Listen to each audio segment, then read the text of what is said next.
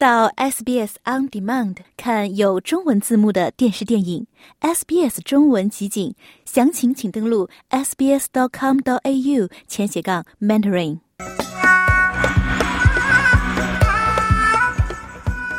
龙年庆祝之际，在走亲访友中，您会用什么样的词汇祝贺亲友呢？龙凤呈祥、龙马精神、龙腾虎跃、祥龙献瑞，这些耳熟能详的吉利贺词中，龙代表着一个什么样的意象呢？龙作为十二生肖中唯一一个神话动物，它的形象是如何演变出来的呢？龙又是如何一步步成为华人最喜爱的图腾之一呢？本期节目中。我邀请到了一位研究中国传统文化的学者，悉尼大学的中国文学与戏剧研究副教授赵小环做客节目，与大家一起聊一聊龙背后的历史和传说故事。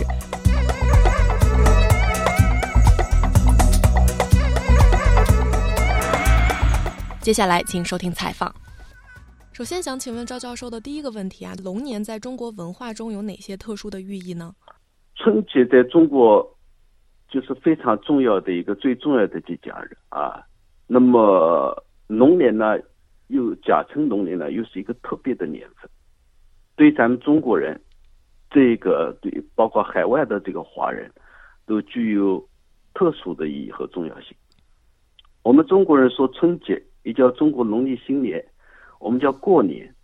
那么这个过大年，现在来讲，这个过这个词啊，往往都把理解为这个 spend。就是这个过年 celebrate，但实际这个词呢，在上古的时候啊，它的含义是祸，就是在周官在这一个周礼，就是这个呃这个儒家的一个经典，这个是公元前几世纪成熟的，它的这个地方的过，那么为什么叫过年呢？这个实际上跟中国一个传说有关系，这个年实际上年兽是一个祸害。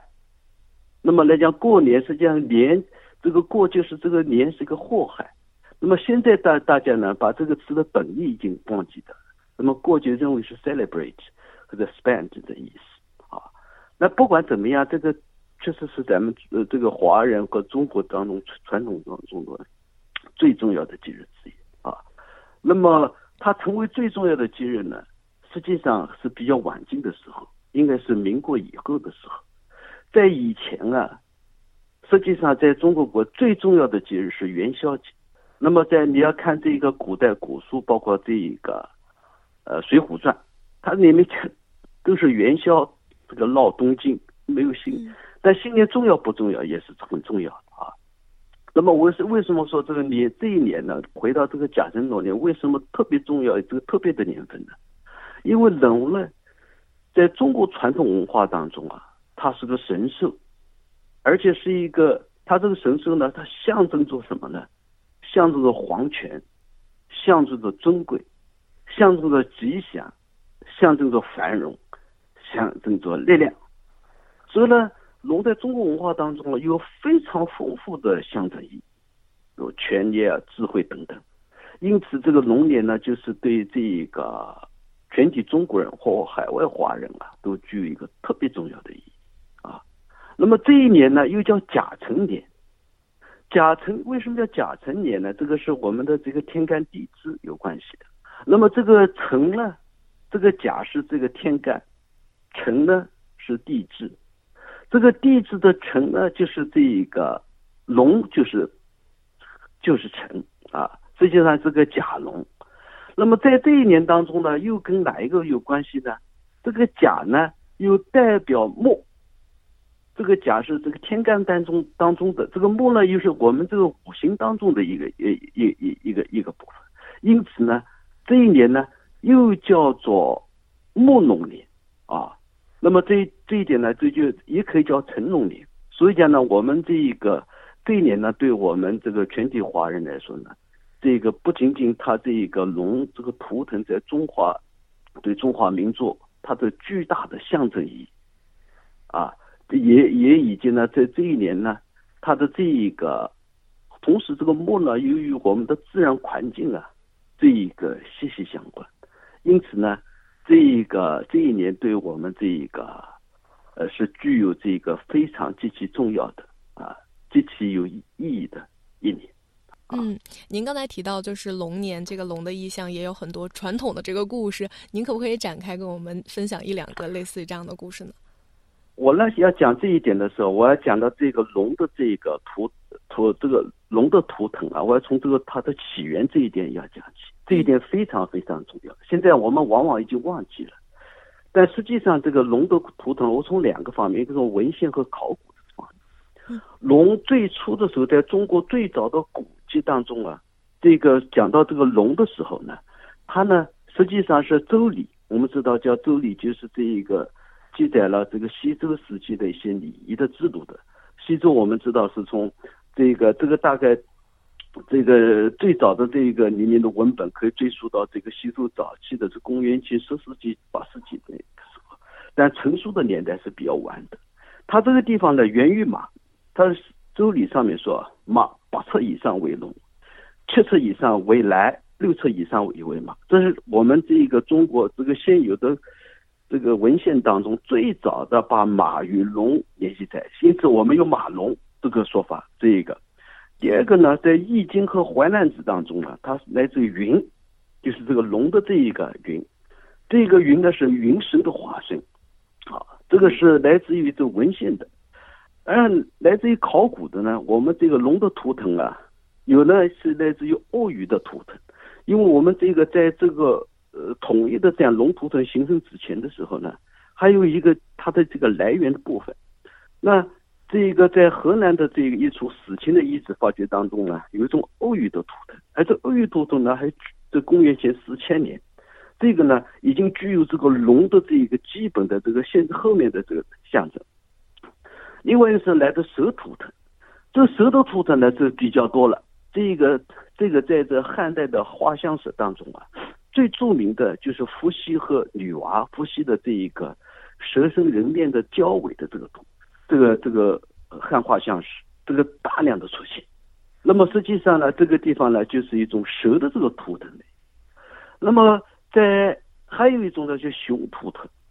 熊图腾呢是红山文化，红山文化出现在什么地方呢？发生在这一个辽河流域，就是咱们东北这个辽河流域这个区域。这个取红山文化是公元前五千年到三千年前的这样的一个文化。那么在红山文化发现了这个一些非常极为珍贵的一些这一个发掘，其中呢有这个熊龙的玉器。这个熊龙的玉器呢，这个具有熊的特征呢，有龙的特征。这实际上呢，这个我的一个好朋友，这个是中国神话学会会长叶书宪教授啊，他是他呢在这方面。这个做了非常着力很深，他考他认为呢，中国的这个龙的图腾是源自于熊图腾。那么这样一来的话呢，这个实际上也有这个文献资料来这个支撑。比如说，皇帝以前叫什么呢？叫有熊氏。我们在《史记》当中有熊，就熊氏，就是他的氏呢就是熊。这个有实际上在古汉语当中它是。发音，但它没有意义的。伏羲呢，也是中华民族的始始祖，他叫昊皇兄。而这个鲧、禹、启，这也是这一个鲧，他呢在《山海经》当中记载呢，他们死后都变成了熊。啊，因此呢，这个熊和龙在中国这一个古代的神话传说以及这一这一个历史，包括这一个考古当中呢，都有它的这一个。更呃证据，这一点呢又涉及到这韩国的这一个韩国的谭军的传说。韩国谭军呢，他的他的母亲呢是熊女，是这个熊谭军就是这个韩国这个高丽这个朝鲜这个文明的这一个始祖。啊，因此呢，这个地方可能一些共通的这些地方啊，所以呢，这一个这个龙的这一个演化，它是有个过程，它到了什么时候才？这个真正这一个成为这个汉民族的统一的这样的一个图腾呢，我觉得是比较晚的时候，晚到什么在汉代的时候才形成。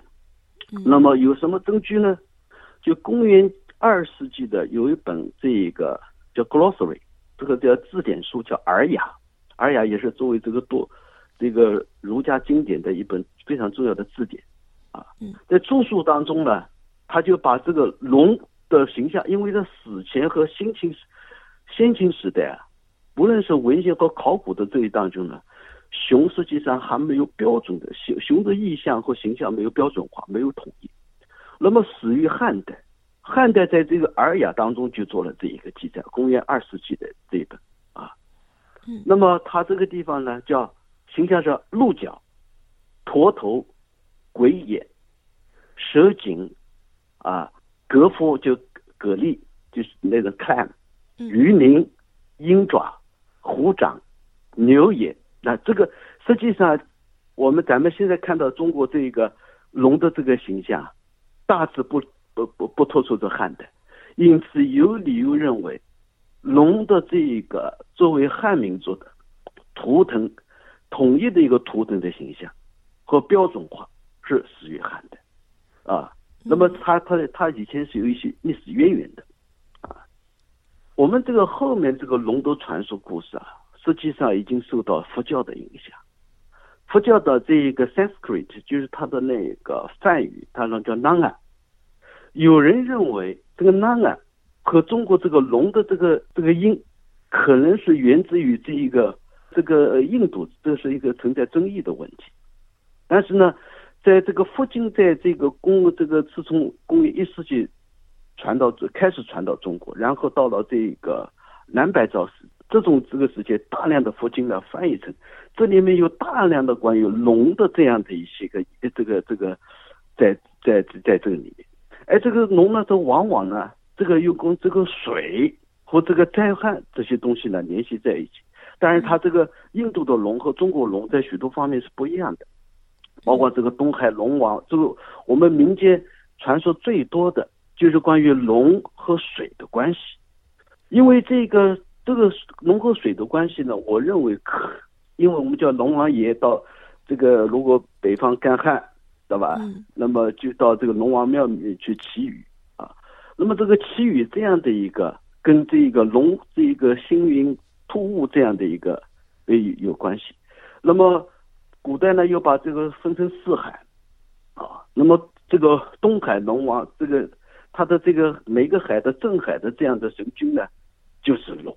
因此呢，这个龙呢，就跟个水呢，就发生了关系，啊，那么因此这一个一个是，还有一个这个民间的这一个在北方比较，在在呃呃中国北方南方都有这样的一个二月二龙抬头的这样的一个也也一个说法，二月龙抬头呢是个民间传说，这个传说呢现在呢这一个比较这一个呃呃中国的南北都都流传。但实际上，这传说呢，应该说比较晚近的，因为为什么？这里面这这个传说里面有玉皇大帝？这玉皇大帝这个这个神灵啊，在中国这一个产生的时代呢，不早于这一个唐代，或者是唐代以后，就唐唐五代的时期，或者在宋代的，它是产生比较晚的。因此呢，跟以前的这个比较，它这里面就是说，这个太白金星。这个呢，这个这个呃龙啊，这个降了雨，这降了雨呢，这个没有听令呃听令这个玉皇大帝的这样的一个指令，是降了雨，然后呢就这个让派了个太白金星下去，就镇压这一个呃龙神，然后镇压下去以后呢，这一个就是说什么情况下可以释放呢？就是这一个啊。黄金豆子当中啊，能够长出这花出来，那么这就这黄金豆子实际上长不出花出来的啊，金豆是长不出花出来的。但是老百姓呢，这个听信了这一点以后呢，就是把那个玉米啊，这个炒，玉米炒了以后，然后不就蹦出这个玉米花吗？然后就把玉米花就是晒到这个外面那个地方去。在外面去的就太白金星一看，哎，这个金豆长出花出来了，那么来讲就报告天上的这一个玉皇大帝。那么玉皇大帝，哎，这个是居然这一个长出花出来，那么就是民间实际上是这一个不要违逆这个民意，因为就是玉皇大帝因此呢就释放了这样的这一个，呃呃释释放了这一个龙，就把他从这个大山下面压下，这释放了这个龙。那么这个龙也就是形成了这二月二龙抬头的这样的一个习俗。这个习俗呢，在中国北方和南方呢是不太一样的。了解澳洲，融入澳洲，欢迎登录 sbs 点 com 点 au 前斜杠 language 前斜杠 mandarin，获取更多澳大利亚新闻和资讯。